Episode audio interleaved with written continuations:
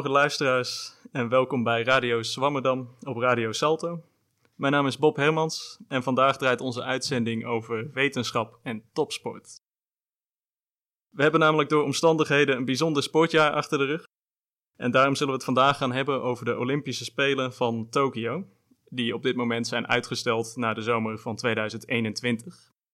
Hierbij gaan we onder meer praten over de voorbereidingen die sporters treffen in de aanloop naar Tokio en ook welke vraagstukken hieromheen spelen. Vandaag heb ik Ellen Maas te gast. Zij is oud toproeister en van origine bewegingswetenschappen. Momenteel is zij werkzaam als specialist topsport bij het kenniscentrum Sport en Bewegen. Welkom in de uitzending, Ellen. Dankjewel. Verder schuift Meike Linders via Zoom bij ons aan. Meike is ook bewegingswetenschapper en projectmedewerker Thermo Tokyo bij Team NL Experts. Welkom Meike. Dankjewel. En vandaag zal Tanne van der Wal mijn co-presentator zijn. En uh, zal Marielle Doedens de techniek doen voor ons. 2020 is dus al bijna weer voorbij. En we hebben toch een aantal grote sportevenementen moeten missen. Zoals onder andere Wimbledon, het EK voetbal en de Olympische Spelen. Tanne, welk sportevenement heb jij dit jaar eigenlijk het meest gemist? Ja, we hadden het hier al even over eerder. Ik kijk dus stiekem eigenlijk uh, niet zoveel sport. Maar één ding wat ik wel altijd kijk bij de Olympische Spelen is het synchroon duiken. Vind ik echt heel vermakelijk om naar te kijken. Dus ik, ik denk dat ik dat dan uh, als antwoord moet geven. Het synchroon duiken op de Olympische Spelen. Synchroon duiken? Ja. Ik heb het zelf nog niet gekeken, maar ik ja, zal het dan zeker volgend jaar, volgend jaar eventjes uh, gaan uh, opzoeken. En ja, dan gaan we eventjes naar uh, Ellen Maas. Ellen, zoals ik net al zei, werk jij dus als specialist topsport bij het kenniscentrum Sport en Bewegen. Uh, zou je wat meer kunnen vertellen over wat het kenniscentrum precies doet? Uh, ja, natuurlijk. Um, het kenniscentrum Sport en Bewegen houdt zich eigenlijk bezig met vraagstukken over alles wat met sport en wat met bewegen te maken heeft. En dat gaat echt van, uh, gaat over alle doelgroepen, dus van nuljarigen tot honderdjarigen, van mensen met een beperking tot mensen met een kantoorbaan tot topsporters. En met die laatste doelgroep houd, houd ik en mijn team zich bezig. Uh, wij zijn team Topsport Topics. Uh, we zijn met z'n vijven. En ons doel is eigenlijk om het niveau van de Nederlandse topsport ietsje omhoog te tillen door wetenschappelijke ondersteuning te bieden aan topsportcoaches en, uh, en stafleden. Dus mensen die de topsporters coachen. En dat doen we bijvoorbeeld door um, nieuw onderzoek beschikbaar te maken voor topsportcoaches op een makkelijke manier. Uh, zodat zij niet uh, het, het, internet en alle zoekmachines hoeven af te speuren naar nieuwe artikelen, maar die leveren wij uh, in hapklare brokjes voor ze aan. En wij beantwoorden veel vragen van coaches. Oké, heel interessant. En als we dan kijken met het oog op de Olympische Spelen, wat voor onderwerpen of vragen kunnen we dan eigenlijk verwachten in dat geval? Um, nou ja, de Olympische Spelen die uh, zouden natuurlijk deze zomer in Tokio zijn, waar het uh, ontzettend warm kan zijn. En um, dat zal het in de zomer van 2021 ook ongetwijfeld zijn.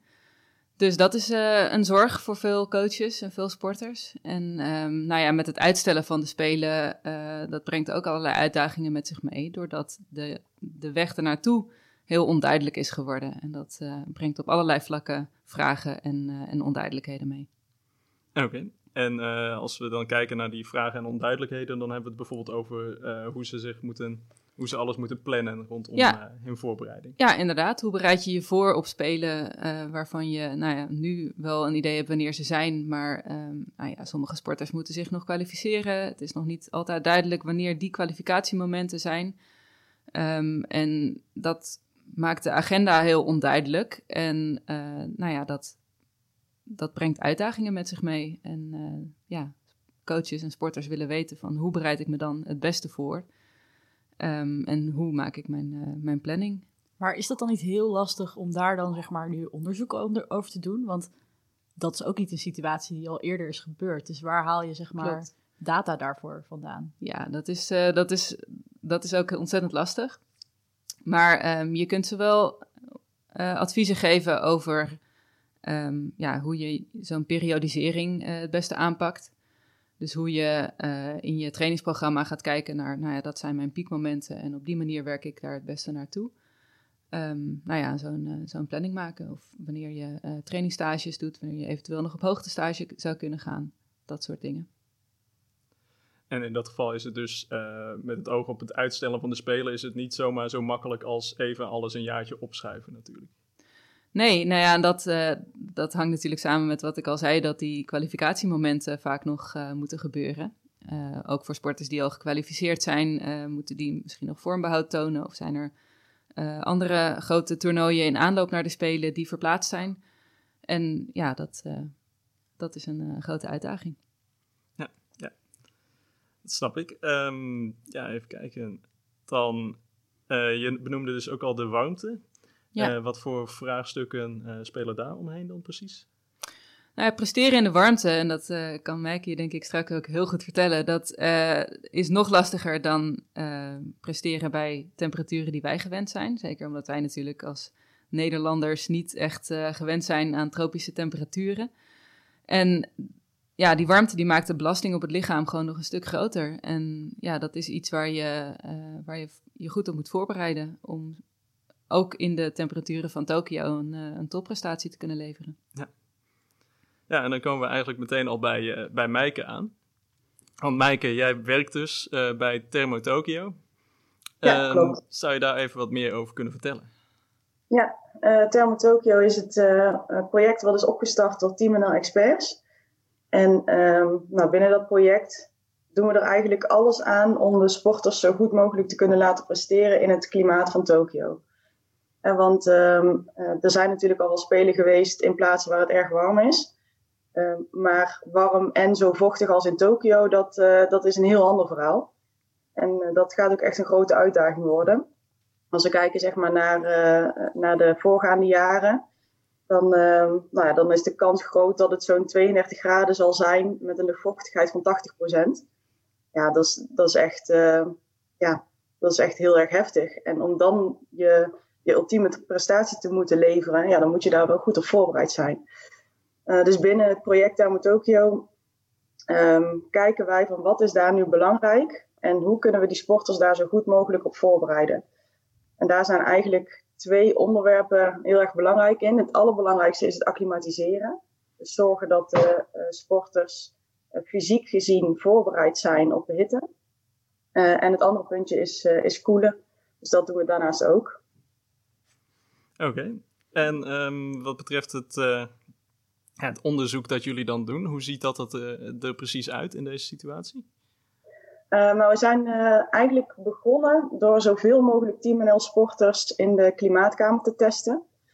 Um, nou, dat, ja, echt het grootste gedeelte van, van de sporters die naar de Spelen gaan, zijn bij ons langs geweest. Die hebben twee metingen gedaan. eerst was een nulmeting, um, waarbij het 14, 15 graden was met een normale luchtvochtigheid van 40 procent. Uh, en daar hebben zij een maximaal test gedaan. En daarna kwamen zij nog een keer terug om exact diezelfde test te doen.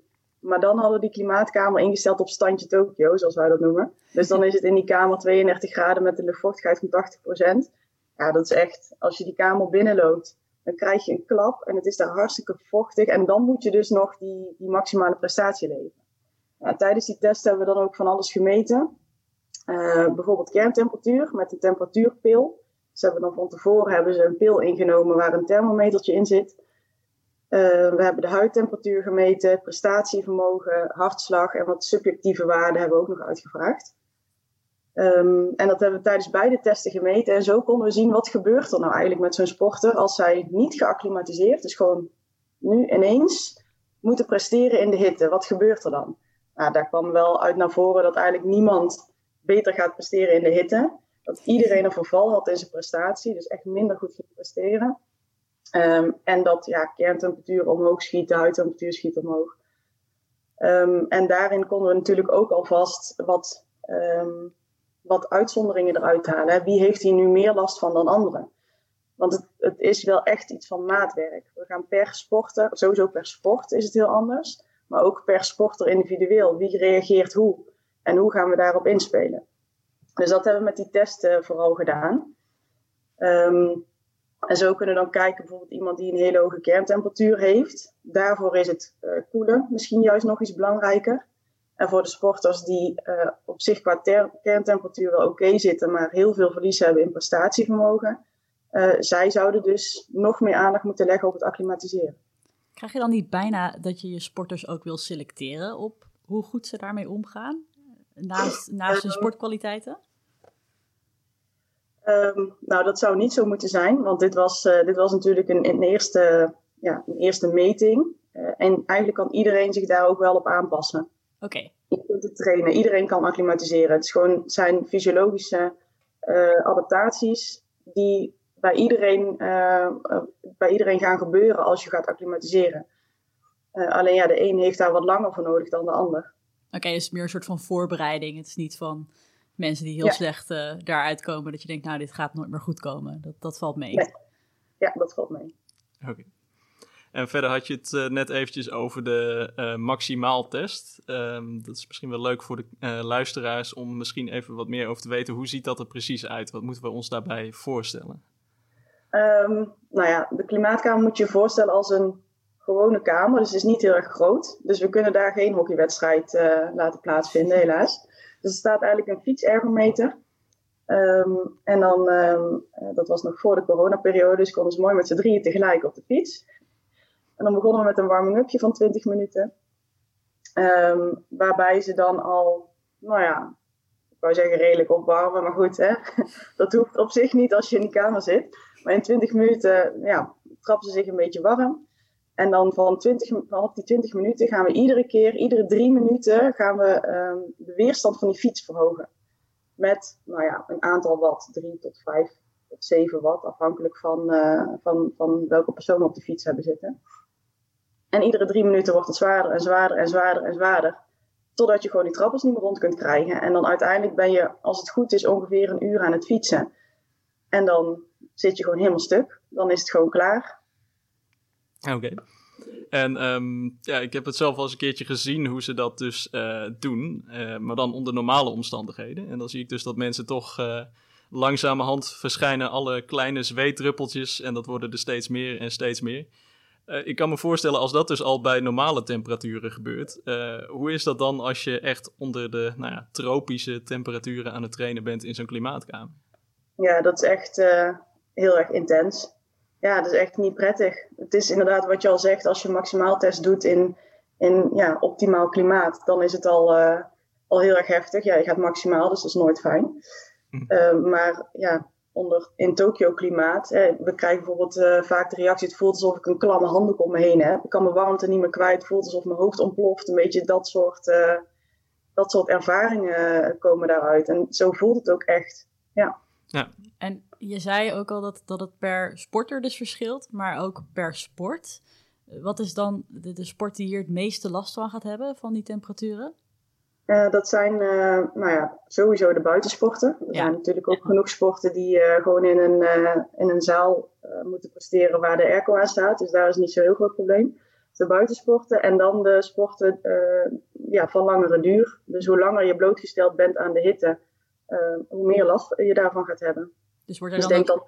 dan aan uh, atletiek, uh, bijvoorbeeld de marathonlopers, het triathlon, ja, um, hockey, voetbal, dat soort sporten. Daar is het uh, het allerbelangrijkste voor. En daar wordt dan ook extra aandacht aan besteed aan die sporters? Of? Ja, ja. ja zeker. Ja.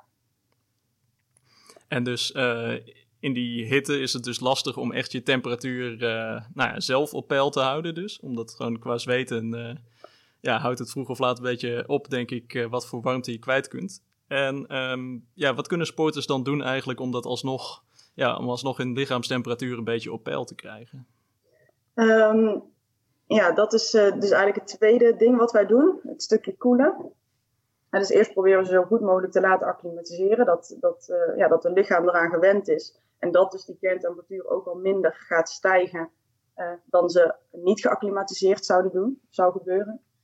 Um, en daarnaast kunnen ze dus een beetje helpen door te koelen. En de, de belangrijkste methode daarin is het drinken van slush. Slush puppy eigenlijk. En misschien ken je het wel uh, van die grote bakken met zo'n draaiende spiraal erin bij de, bij de snoepwinkel. Waar je van die zoete slush puppy kunt halen. Nou, eigenlijk precies dat. Alleen dan uh, doen we daar isotone sportdrank in. Dus de sportdrank die zij normaal gesproken drinken, daar maken wij slushpuppy van. En ehm, nou, het voordeel daarvan is dat als jij slushpuppy drinkt, dan heb je dus nog vaste stukjes ijs uh, komen dan in jouw lichaam. En doordat die overgang van vast naar vloeibaar nog, uh, daar nog in zit, wordt er extra warmte onttrokken uit je lichaam. Dus dat is ook echt een ja, wetenschappelijk bewezen beste manier om jouw kerntemperatuur weer naar beneden te krijgen. Wat we dus ook weer kunnen meten met zo'n temperatuurpil. Als iemand slush drinkt, dan zien we die kerntemperatuur ook echt naar beneden gaan. Uh, en dat is dus ook iets wat wij oefenen met de sporters. Want ook dat is heel erg individueel. De een vindt het echt helemaal niks om slush te drinken. De ander vindt het super fijn. De een drinkt zoveel, de ander drinkt zoveel. Uh, die drinkt het voor de wedstrijd, de ander drinkt het ook weer tijdens de wedstrijd. Dat zijn allemaal dingen, um, ja, echt maatwerk. Wat wij dus met de verschillende bonden en, uh, en sporters gaan bekijken. Ja, het lijkt mij niet prettig tijdens een wedstrijd. Ik, ik herinner me echt alleen die enorme brain freeze als je dat uh, vroeger een keer dronk. Maar misschien dronk ik ja, het dan nou, snel dat is ook goed dat je het zegt, want uh, uh, dat is ook bijna altijd de eerste ervaring. Oké. Okay. brain freeze en niet fijn en te koud. Um, maar dat is dus ook echt iets waar jij fysiologisch aan gewend kunt raken. Oh. Je lichaam is niet gewend om zo'n koude bolus in, in de maag te hebben en dat dan te verwerken. Dus veel sporters krijgen daar ook echt last van. Echt maag-darmklachten, opgeblazen gevoel, uh, krampen, nou noem het maar op. Maar als we dat dus oefenen en we doen dat een tijdje en ze raken eraan gewend, dan verdwijnen die klachten. Weten ze ook dat ze niet te snel moeten drinken. Ze weten precies hoeveel ze moeten drinken, wanneer, op welk moment. Um, en hun lichaam kan daar dan dus ook tegen. En dat willen we dus nu gaan voorbereiden voor aan het spelen. Dat iedereen ook exact weet wat hij moet doen en wanneer. Um, zodat het in Tokio straks gewoon perfect zal verlopen. Oké, okay. en uh, wat betreft de, de hoeveelheden, is er dan ook nog eigenlijk een soort van, van maximum dat, dat een sporter zou mogen uh, of kunnen hebben? Want ik kan me voorstellen dat dat niet heel fijn is om te veel te hebben. Nee, zeker waar. Nee, we hebben een, een soort van standaard waar we vanuit gaan. Dat is 7 gram per kilogram lichaamsgewicht. Dat proberen we. Maar um, dan passen we het aan naar de individu. Dus het kan ook minder zijn of een keer meer. En de ondergrens is eigenlijk uh, totdat iemand begint te, te, beven en te rillen. Dan heb je gewoon te veel gehad. En dat wil je absoluut niet. Uh, dus als iemand zegt van nou ik kan het heel goed verdragen, ik wil meer slush drinken. Dan kan dat tot die ondergrens uh, van, het, van het starten met, met, met rillen en beven. Oké. En um, is die slush dan de, de, de, de enige optie die jullie hebben voor het koelen? Of uh, zijn er nog meer opties uh, mogelijk? We hebben daarnaast ook koelvesten. Um, op zich zijn koelvesten niet nieuw. Die hadden we natuurlijk in Rio ook al. alleen de vesten van Rio die werken op, op basis van verdamping. En omdat het in Tokio zo vochtig is, kunnen we die vesten nu niet meer gebruiken. Dat werkt niet. Dus dat is ook een, een proces waar we door zijn gegaan. Um, dus we hebben uiteindelijk koelvesten geselecteerd die um, ook op basis van, uh, van faseveranderingsmateriaal werken, uh, die heel erg koud zijn en die dan ongeveer nou ja, 20 minuten intensief koelen. Um, en die kunnen dan sporters van tevoren dragen, maar bijvoorbeeld ook, hè, als je bijvoorbeeld kijkt naar een hockeywedstrijd, iedere keer als ze terug gaan naar de dugout, kunnen ze zo'n vest bijvoorbeeld aandoen, om toch weer even die huidtemperatuur in ieder geval naar beneden te krijgen, weer een koud gevoel te krijgen en weer fris uh, daarna weer door te gaan met de wedstrijd. Uh, dus die koelvesten, dat is inderdaad ook uh, een van de methodes die wij gebruiken om de, om de sporters koel te houden. Oké. Okay. En dat koelen, kan dat eigenlijk ook, want uh, we hebben het ook altijd over warming-ups natuurlijk. Kan dat ook zorgen voor misschien juist meer blessures? Of meer blessures vooral als je het niet goed aanpakt? Um, dat zou kunnen, alleen met de vesten hoe wij het nu gebruiken is dat niet het geval. Want wij richten erop om de spieren warm te houden, maar om je kern dus koel te houden. Okay. Uh, en met die koelvesten koel je echt eigenlijk alleen maar de huid. Uh, plus het vest uh, bedekt de romp met name. Dus nou ja, voor een loper blijven de benen lekker warm en de armen blijven lekker warm. Dus de romp wordt goed gekoeld. En met die slush koelen we dus van binnenuit, wat echt heel effectief werkt. En zo willen we dus die kerntemperatuur zo laag mogelijk houden, maar de spieren wel warm houden. Oh. En dus even kijken, ja, Ellen, um, wat betreft de warmte, uh, hoe zit dat bij jullie bij um, Kenniscentrum uh, Sport en Bewegen? Hebben jullie daar ook nog veel onderzoeken of veel kennis uh, ja, paraat eigenlijk? Nou ja, wij doen literatuuronderzoek. Dus um, waar Mijke de, de klimaatkamer ingaat en daar sporters test en, en individuele maatplannen maakt eigenlijk, houden wij meer de, de wetenschappelijke ontwikkelingen internationaal eigenlijk in de gaten. En ehm, ja, daar komen dit soort dingen ook naar voren. Dus inderdaad, die, die kerntemperatuur omlaag proberen te brengen met, met slushies en, um, en koelen. En ehm, ja, daarnaast kun je nog voor de wedstrijd en na de wedstrijd dingen doen, zoals ja, pre-koelen, after-koelen. Dus um, ja, dat is denk ik ook belangrijk om na de wedstrijd zo snel mogelijk je, je lichaamstemperatuur weer omlaag te brengen, zodat je snel herstelt en snel weer die volgende wedstrijd in kan gaan. Um, ja, dus dat zijn dingen die, die wel al langer bekend zijn uit de literatuur. Maar, ja, die moeten natuurlijk wel um, op maat gemaakt worden voor de, voor de hmm. Nederlandse atleten. Wordt het dan allemaal wel gepubliceerd? Want ik kan me zeg maar voorstellen dat dat toch als land zijnde, uh, doe je dat onderzoek voor jou, jouw uh, sporters en dan als je dat publiceert, dan wordt het internationaal ook gebruikt. Dus je hebt soort van met een dubbele competitie uh, wetenschappelijk en in de sport te maken als je iets publiceert. Ja, klopt. Nee, inderdaad, als je onderzoeker bent die, um, die, die voor een nationaal team werkt, dan heb je natuurlijk um, nou ja, je, je, je belangen als wetenschapper. Ja. Um, dus je wil je werk publiceren en, en leesbaar maken voor, uh, voor, voor andere mensen. En je wil de kennis in huis houden om jouw sporters uh, nog beter te maken. En nou ja, wat je zou kunnen doen is bijvoorbeeld pas na de Spelen van Tokio uh, je, je, je data publiceren of je artikelen publiceren. Dus misschien dat we na Tokio op, uh, op hele nieuwe inzichten komen. Um, maar ja, ik denk dat de, de winst hem toch vooral zit. Ik denk, ik denk niet dat er verschrikkelijk veel ontzettend nieuwe innovaties gaan verschijnen na Tokio. Ik denk dat de, de, uh, de winst vooral zit in, uh, ja, in wat Maaike doet, in individuele benadering. Ja, echt dat maatwerk. Het maatwerk, ja. ja, ja. Nou ja, en ik ben benieuwd of, of bepaalde landen uh, met hun warmteaanpak er echt bovenuit gaan stijgen in Tokio. Je weet natuurlijk nooit. Want Maaike, uh, hoe zie jij dat precies? Denk jij dat, um, ja, denk je dat de, de meeste dingen, de meeste kennis die jullie nu uit je onderzoek halen, zijn dat echt hele nieuwe dingen? Of is het ook vaak gewoon gericht op meer de toepassing, nog wat meer aanscherpen, zeg maar? Ja, ik denk inderdaad meer op het aanscherpen. Um, de, de koelmethodes die wij gebruiken, die, die zijn wel uh, ja, algemeen bekend, zou ik willen zeggen. Die worden echt wel, uh, wel door meerdere landen gebruikt. Alleen dan misschien net iets anders. Dus bijvoorbeeld in plaats van het drinken van slush, dat ze koude dranken gebruiken.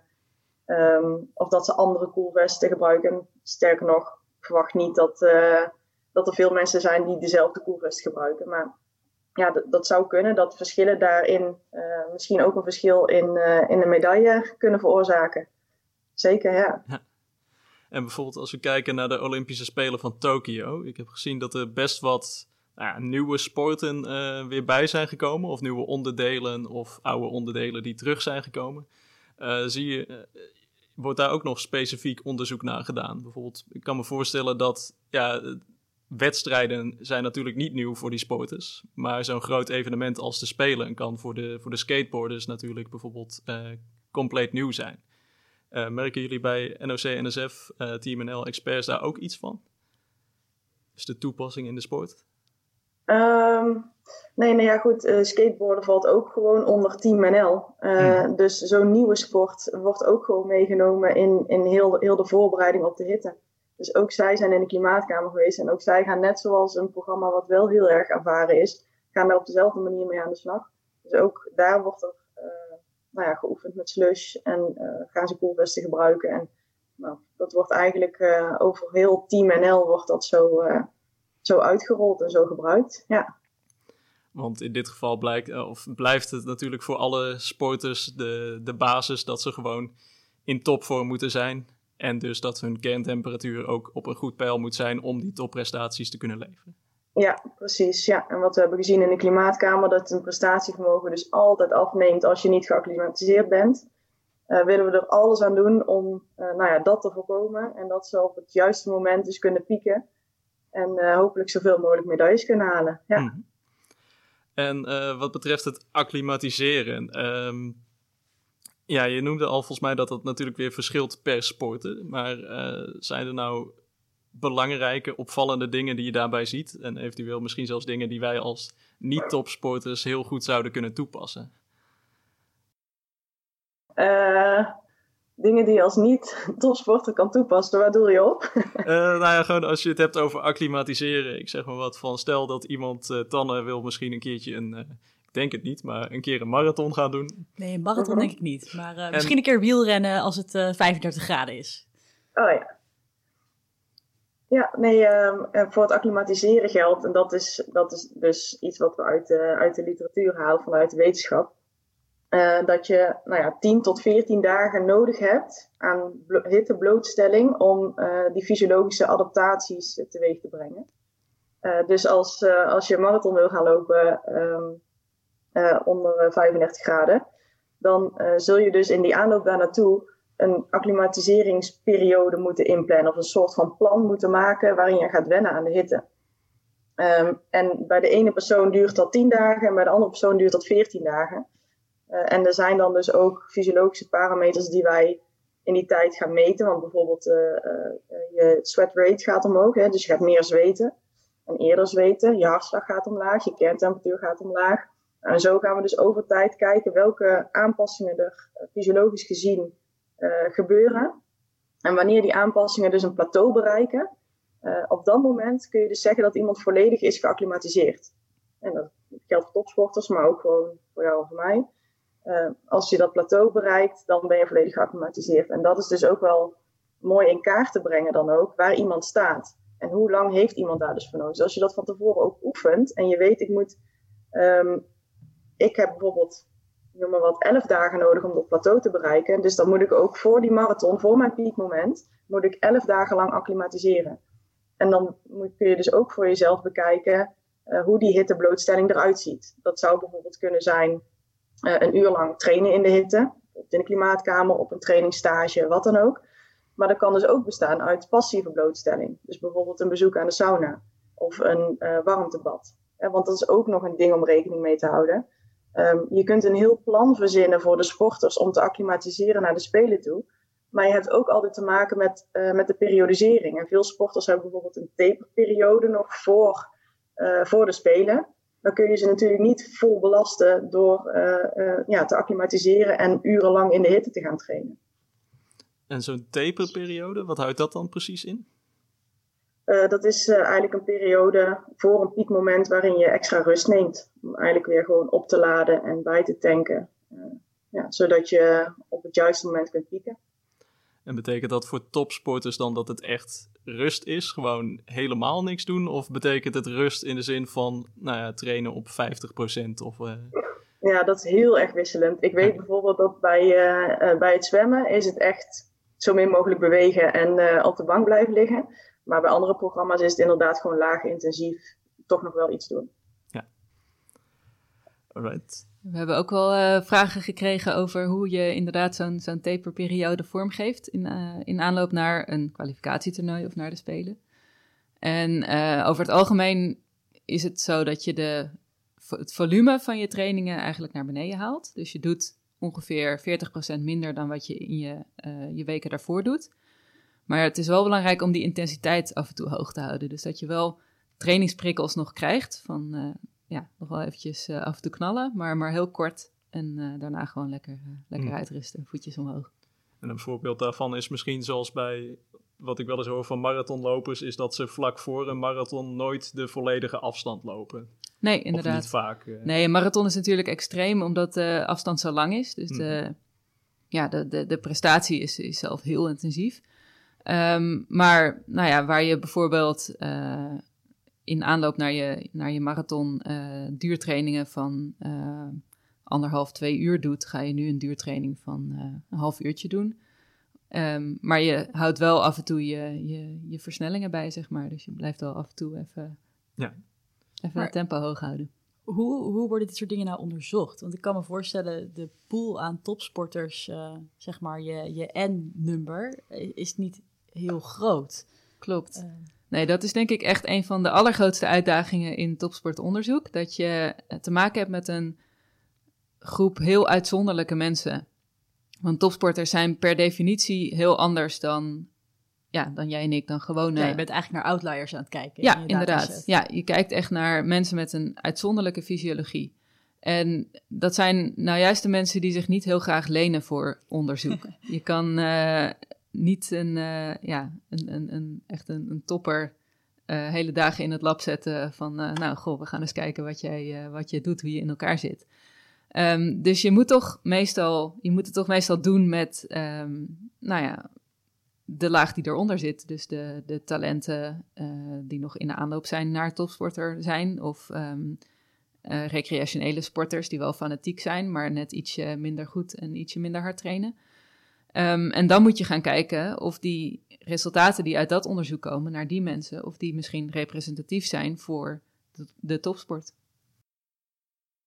Maar um, bijvoorbeeld, wat je ook wel ziet volgens mij, of tenminste wat ik vaak wel lees, is dat er ook juist weer meer wetenschap binnen de topsport komt kijken voor de, voor de sporters zelf. Dus heb je dan ook niet dat een, uh, ja, een sporter die een voorbereiding doet, die heeft nu ook veel vaker volgens mij dat ze al bijhouden van nou, huidslag, allerlei ja. andere parameters. Dat, ja, kan dat dan ook gebruikt worden? Of is dat wel heel lastig om in te passen in dat soort onderzoeken? Ja, dat is uh, sterker nog, dat is super belangrijk om dat wel te doen. Um, ja, je hebt dan inderdaad NS1, je hebt gewoon een, uh, een case study met de topsporter als onderwerp.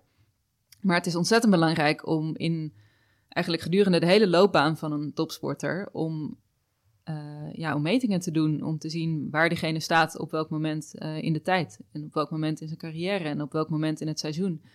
En alleen door dat te doen kun je patronen herkennen. Dus kun je zien van, nou ja, als ik op mijn piek ben, dan, uh, dan haal ik die waardes tijdens een maximaaltest. Of dan, um, ja, to toen ik ja, echt mijn, mijn absolute topprestatie leverde, toen uh, had ik die rusthartslag morgens. En toen uh, nou ja, heb ik dit en dit gegeten en heb ik me aan dit drinkplan gehouden, heb ik deze voorbereiding gedaan.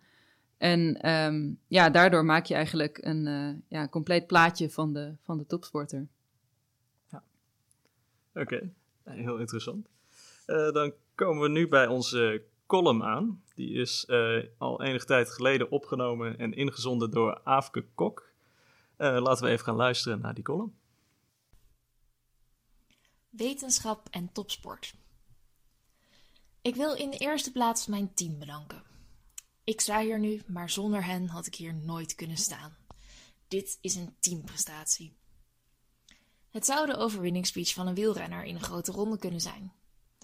Maar het had ook best door een Nobelprijswinnaar gezegd kunnen worden. En waar je bij zo'n wielrenner nog kunt discussiëren in hoeverre zo'n speech valse bescheidenheid betuigt, had Roglic dit jaar de Tour gewonnen, dan zou ik zeggen nee. Dat had hij voor een heel groot deel te danken gehad aan zijn ploegmaatjes van Jumbo-Visma, die de ganse Tour op kop hebben gebeukt. Maar nu Pogacar won, die heeft de overwinning eigenlijk aan diezelfde Jumbo-Visma-renners te danken.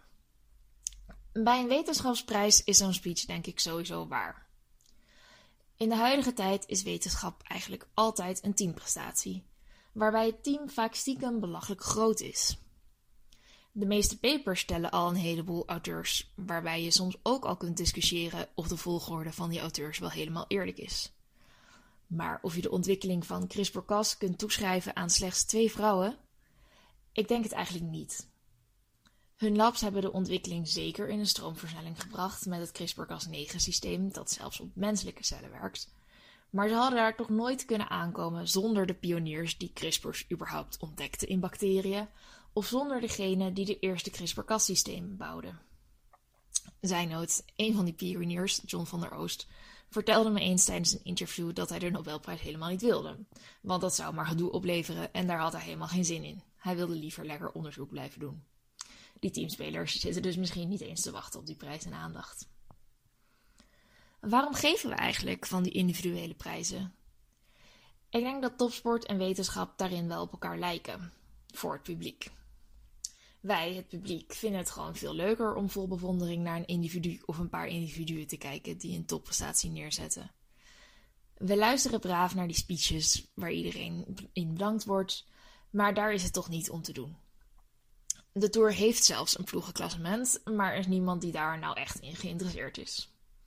Sponsoren hebben liever, veel liever een etappezege of een mooie plek in het algemeen klassement.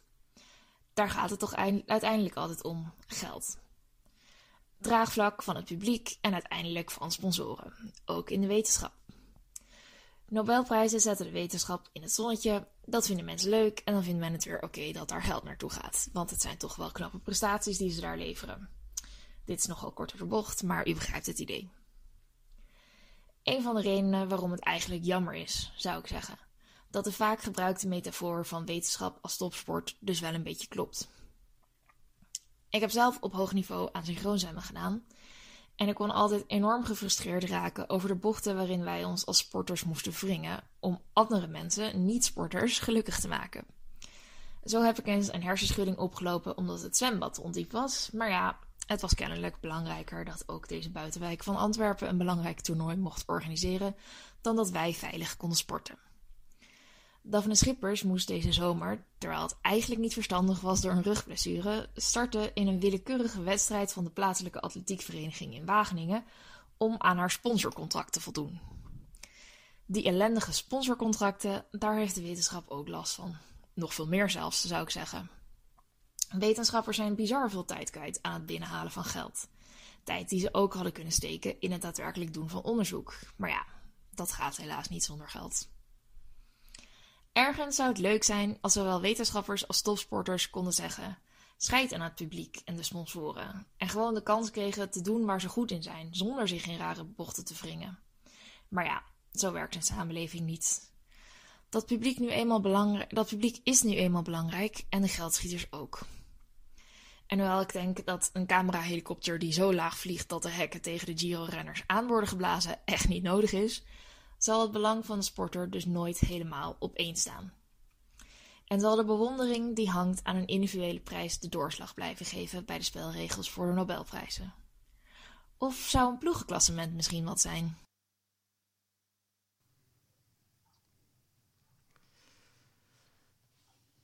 De column van Aafke Kok. Aafke, hartelijk bedankt voor je column. Um, ja, Aafke had het dus net onder meer over uh, de teamprestaties binnen de sport en de wetenschap en ook het belang van het geld. Um, Ellen, hoe beïnvloedt het uitstellen van de Spelen uh, de teamprestaties van sporters eigenlijk? Um, nou, op allerlei verschillende manieren.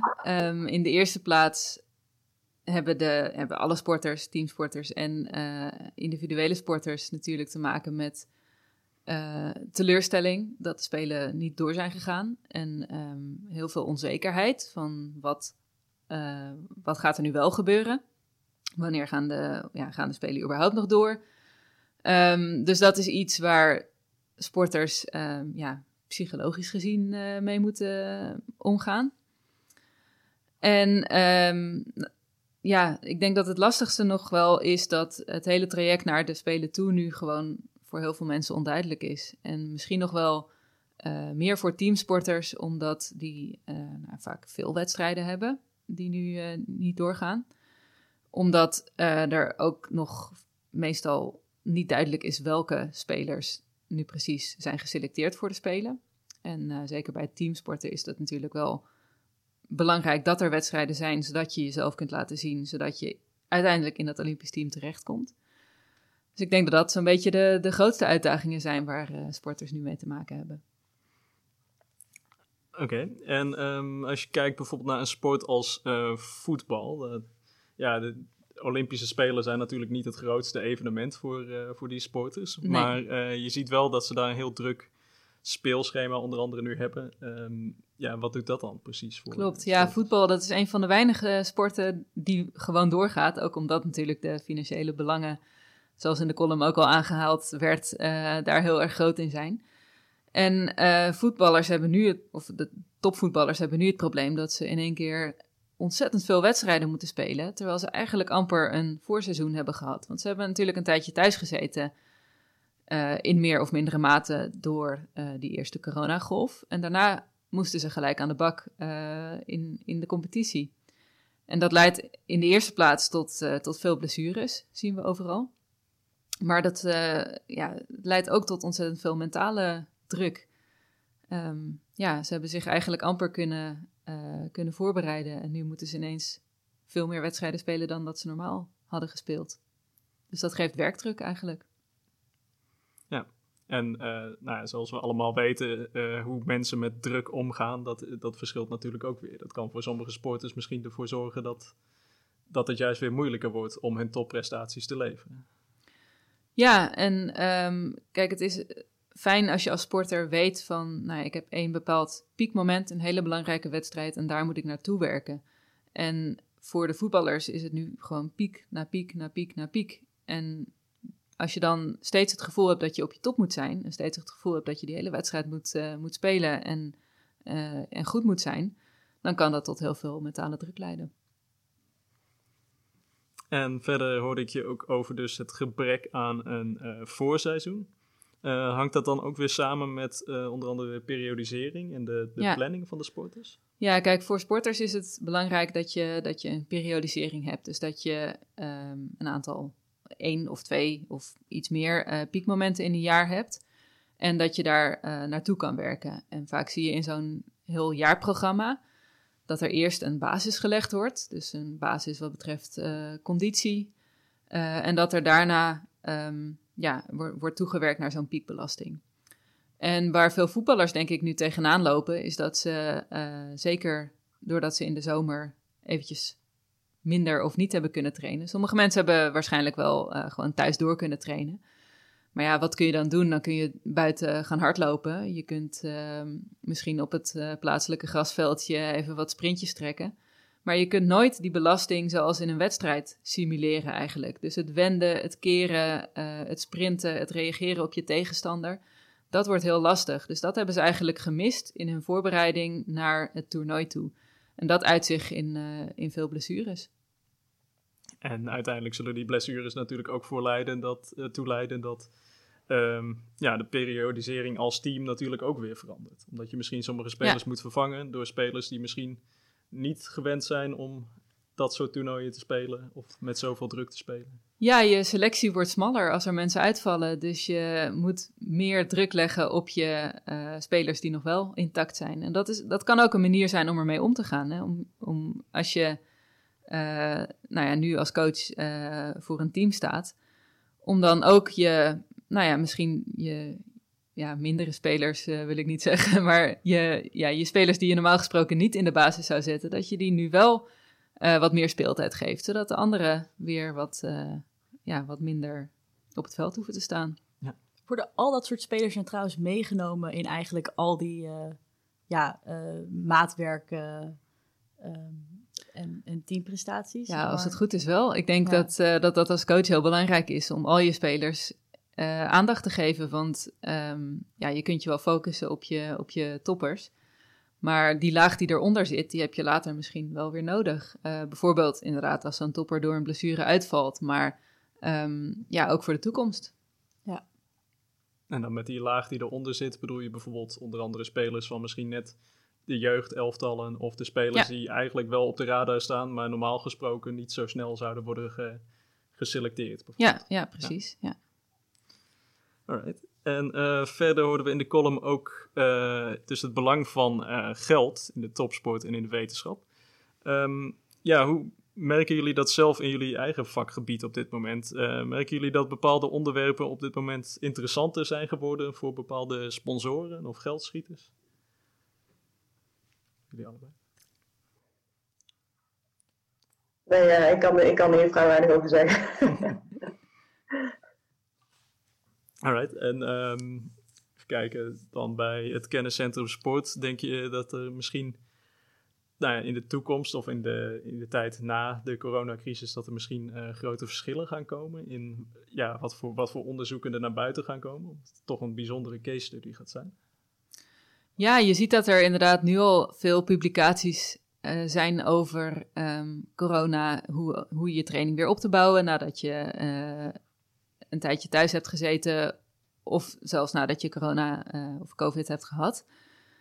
Ehm, en dat, dat zal nog wel een tijdje doorgaan, denk ik. Dat is ook een, ja, een heel interessant onderwerp. Ik denk dat heel veel sporters daar wel mee te maken hebben, of sporters die COVID hebben gehad, dat ze weer moeten gaan opbouwen en dat dat niet, niet altijd even makkelijk gaat, niet altijd even vanzelfsprekend is. Um, dus dat is natuurlijk een, uh, een onderwerp wat, uh, wat, we nog wel eventjes, uh, wat ons nog wel eventjes bezig gaat houden. Um, maar ook het, ja, het mentale aspect, dus het omgaan met teleurstellingen, het omgaan met onzekerheid, met tegenslagen, is in de, in de sportpsychologie denk ik een onderwerp wat, wat ons bezighoudt. Dus ja, ik denk dat dit nog wel eventjes tot nieuwe publicaties zal gaan leiden in wetenschapsland. En is dat dan ook toepasbaar trouwens voor, uh, nou ja, bijvoorbeeld later als sporters van een blessure, kan je dat vergelijken? Als sporters door een blessure hebben stilgelegen, want, want ja, ja, dat is natuurlijk leuk om te publiceren, maar we hopen natuurlijk dat er niet nog zo'n crisis komt. Nee, inderdaad.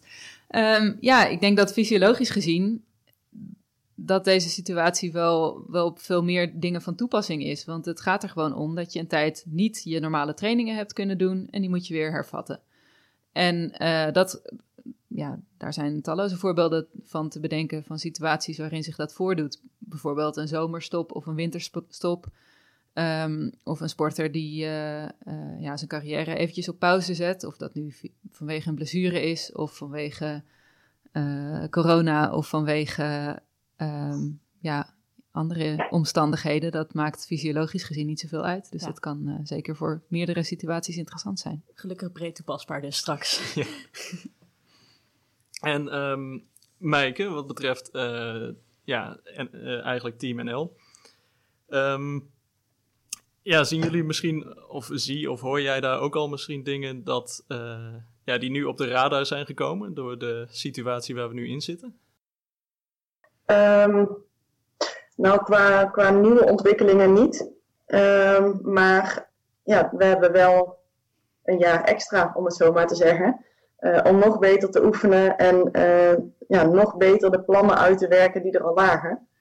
Um, wat natuurlijk ook nodig is, want uh, nou, wat Ed al aangaf, alle piekmomenten eigenlijk, die zijn, ja, die zijn komen te vervallen. Het is onduidelijk wanneer er weer een competitie gespeeld gaan worden. De trainingsstages gaan vaak niet door. Dus eigenlijk die hele periodisering naar de Spelen van 2021 toe, die wordt gewoon opnieuw bekeken en opnieuw uitgewerkt. Uh, waarbij ze dus ook moeten gaan kijken wanneer gaan we de momenten pakken om uh, te acclimatiseren of om die uh, te oefenen. Um, dus dat is in eerste instantie iets wat weer opnieuw opgestart moet worden en uitgewerkt moet worden. Maar aan de andere kant heb je wel weer een jaar extra. Dus je hebt wel meer tijd om daarnaar te kijken en dat te fine-tunen.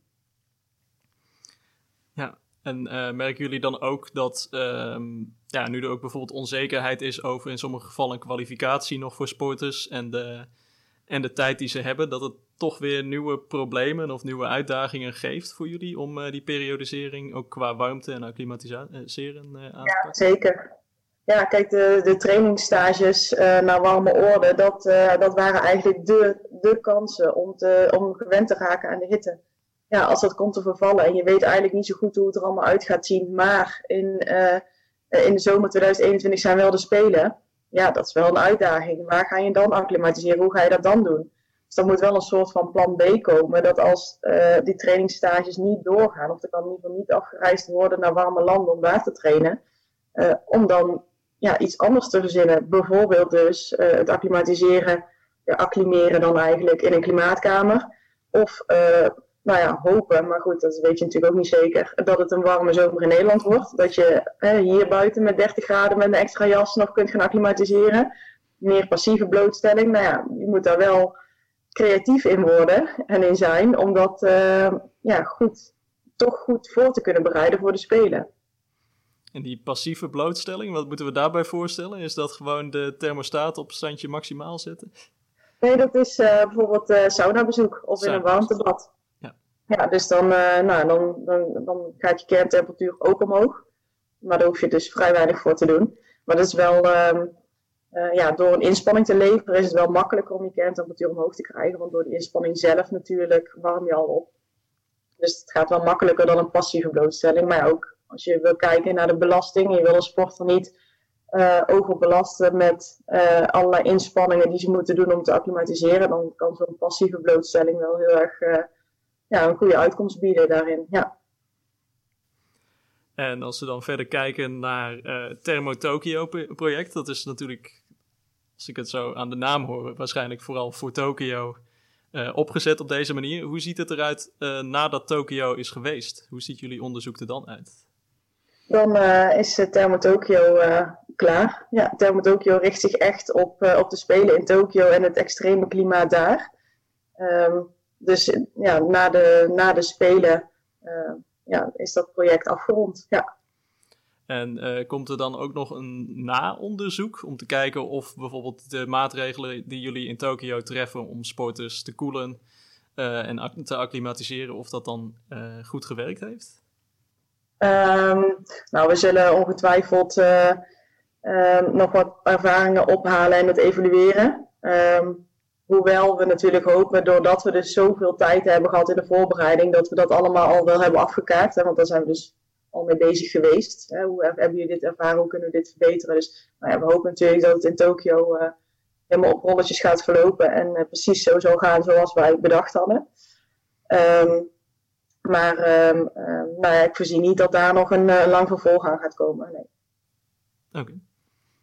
En waarschijnlijk, afhankelijk van het klimaat van de, ja, van de spelen daarna, wordt er natuurlijk gewoon weer een nieuw project opgezet met het oog op de voorbereiding daarop. Ja, precies. Ja.